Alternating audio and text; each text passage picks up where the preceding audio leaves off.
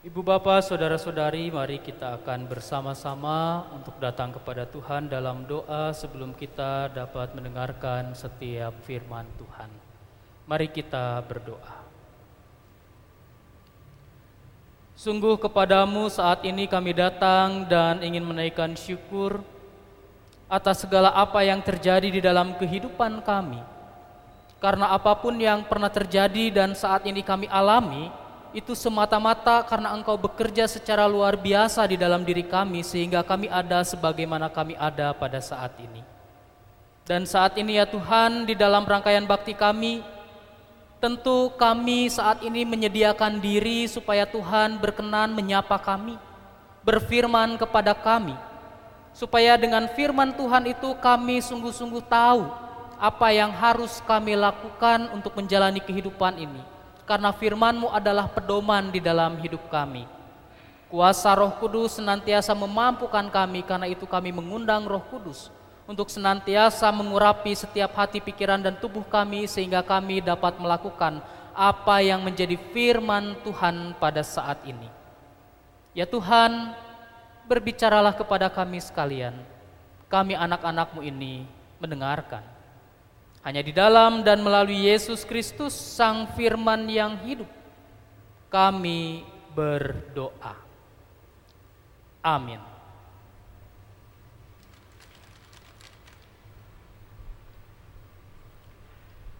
Ibu bapak, saudara-saudari yang dikasih Tuhan, pada saat ini kita akan membaca bagian daripada firman Tuhan yang terambil dari kitab Keluaran pasalnya yang ke-14 ayatnya yang ke-19 sampai dengan yang ke-31. Keluaran 14 ayat 19 sampai 31.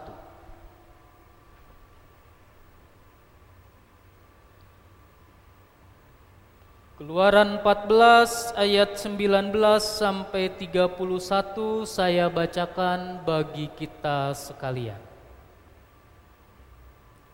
Kemudian bergeraklah malaikat Allah yang tadinya berjalan di depan tentara Israel lalu berjalan di belakang mereka. Dan tiang awan itu bergerak dari depan mereka lalu berdiri di belakang mereka. Demikianlah tiang itu berdiri di antara tentara orang Mesir dan tentara orang Israel. Dan oleh karena awan itu menimbulkan kegelapan, maka malam itu lewat, sehingga yang satu tidak dapat mendekati yang lain semalam-malaman itu. Lalu Musa mengulurkan tangannya ke atas laut, dan semalam-malaman itu Tuhan menguakkan air laut dengan perantaraan angin timur yang keras, mem membuat laut itu menjadi tanah kering. Maka terbelahlah air itu. Demikianlah orang Israel berjalan dari tengah-tengah laut di tempat kering sedang di kiri dan di kanan mereka air itu sebagai tembok bagi mereka. Orang Mesir mengejar dan menyusul mereka. Segala kuda Firaun, keretanya dan orangnya yang berkuda sampai ke tengah-tengah laut. Dan pada waktu jaga pagi, Tuhan yang di dalam tiang api dan awan itu memandang kepada tentara orang Mesir Lalu di, dikacaukannya tentara orang Mesir itu. Ia membuat roda keretanya berjalan miring dan maju dengan berat, sehingga orang Mesir berkata, "Marilah kita lari meninggalkan orang Israel, sebab Tuhanlah yang berperang untuk mereka melawan Mesir." Berfirmanlah Tuhan kepada Musa, Ulurkanlah tanganmu ke atas laut, supaya air berbalik meliputi orang Mesir, meliputi kereta mereka dan orang mereka yang berkuda.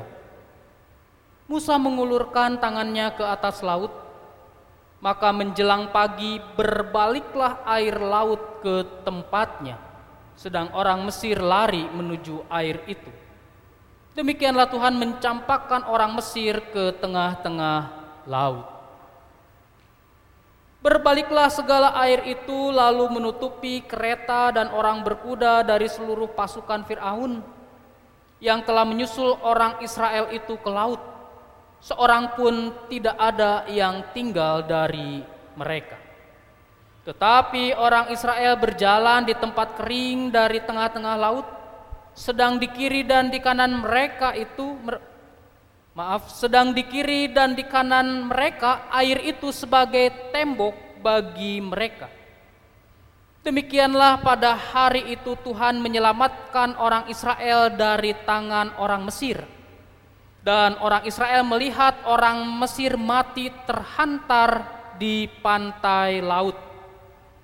Ketika dilihat oleh orang Israel betapa besarnya perbuatan yang dilakukan Tuhan terhadap orang Mesir, maka takutlah bangsa itu kepada Tuhan dan mereka percaya kepada Tuhan dan kepada Musa hambanya itu.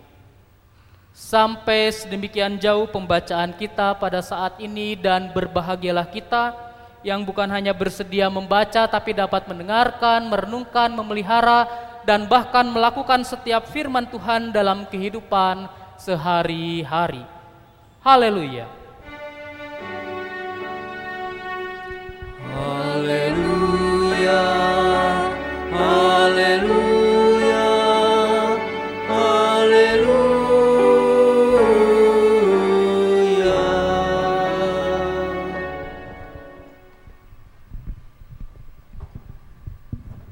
Selamat pagi Bapak Ibu Saudara-saudari yang dikasih Tuhan.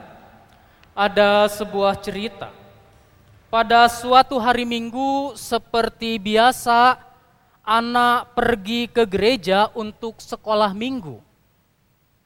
Waktu itu guru sekolah minggu bercerita tentang bangsa Israel yang keluar dari Mesir dan menyeberangi Laut Teberau. Anak, seorang anak kecil itu sangat terpukau dengan cerita tersebut. Ketika pulang ke rumah, ibunya anak bertanya kepada anak, "Nak, bagaimana di sekolah minggu tadi?" "Seru, Mah," jawab anak. Tadi guru sekolah minggu cerita apa? Cerita bangsa Israel menyeberangi Laut Teberau. Ibunya semakin antusias dan semakin senang mengetahui respon dari anak. Wah, lalu apakah mereka berhasil menyeberangi laut itu? Berhasil, mah. Bagaimana caranya mereka menyeberangi laut itu? Anak menjawab, orang-orang Israel itu mah membuat jembatan untuk menyeberangi lautnya mah. Ibunya kaget bukan kepalang mendengar jawaban anak. Lalu ibunya mendekati dan kembali bertanya, Nak, apa betul guru sekolah minggumu bercerita seperti itu? Anak menjawab, Tidak mah, bukan seperti itu. Lah, lalu kenapa kamu tadi bilang orang-orang itu membuat jembatan untuk untuk menyeberangi laut? Anak menjawab, Mah, kalau Ana menceritakan yang sebenarnya, Mamah pasti tidak akan percaya. Ana berpikir bahwa orang tuanya tidak akan percaya dengan perbuatan Allah yang luar biasa. Bapak Ibu saudara-saudari yang dikasihi Tuhan, cerita atau kisah bangsa Israel keluar dari Mesir dengan bantuan dan perantaraan Allah hingga puncaknya pada penyeberangan di Laut Teberau tentu bukanlah cerita asing bagi kita. Mungkin sejak dari sekolah minggu kita mengetahuinya.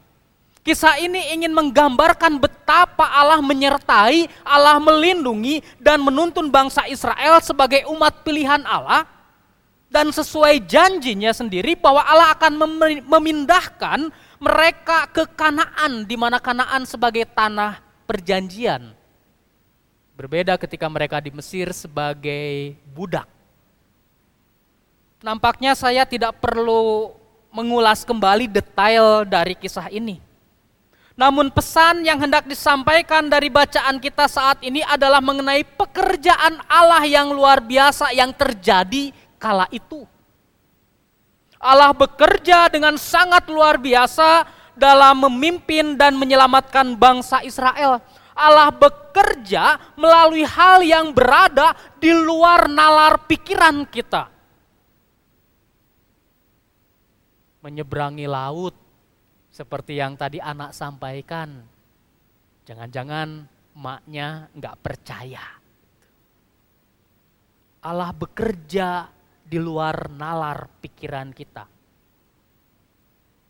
Saat ini juga Allah bekerja. Seperti contoh nggak usah jauh-jauh Bapak Ibu, tubuh kita saja, bagaimana tubuh kita ini bekerja?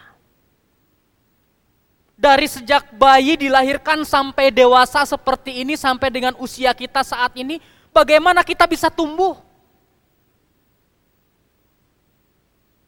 Atau kerja dari setiap organ, sel, bahkan yang lebih ribet kerja dari otak kita. Ada yang tahu Bapak Ibu kapasitas memori otak manusia? Saya search di internet, otak kita, otak manusia katanya kapasitas memorinya bisa mencapai 1 petabyte atau setara dengan 10 juta gigabyte. Handphone sekarang 128 aja sudah gede banget. Ini 10 juta gigabyte, sungguh luar biasa. Bapak Ibu saudara-saudari yang dikasih Tuhan berbicara tentang luar biasa, umumnya kita atau orang-orang melihat yang luar biasa itu melalui hasil tapi melupakan proses. Misalkan bangsa Israel itu selamat dalam menyeberangi laut atau dari kejaran tentara Mesir, sungguh luar biasa. Tapi lupa akan proses yang menyertainya. Atau mungkin kita juga, aduh saya sakit, yang sudah menahun sembuh luar biasa, tapi lupa akan proses pengobatan yang juga sudah dilakukan selama ini. Kita selalu fokus pada hasil yang membuat kita senang, girang, gembira, tapi melupakan cara untuk mendapatkan hasil tersebut. Bapak, ibu, saudara-saudari, hasil yang luar biasa ditentukan oleh proses dan cara yang luar biasa juga. Tidak ada hasil yang luar biasa dilakukan secara biasa. Dan ini penting. Hal luar biasa itu jangan kita batasi dengan hal yang berada atau melulu di luar akal pikiran manusia kita. Termasuk dalam hal pekerjaan Allah. Jangan kita menyempit menempatkan definisi pekerjaan Allah yang luar biasa itu hanya pada sebatas hal-hal yang tak terjangkau oleh akal pikiran kita. Padahal yang dapat kita jangkau tapi kita tidak menyadarinya itu juga adalah pekerjaan Allah yang luar biasa.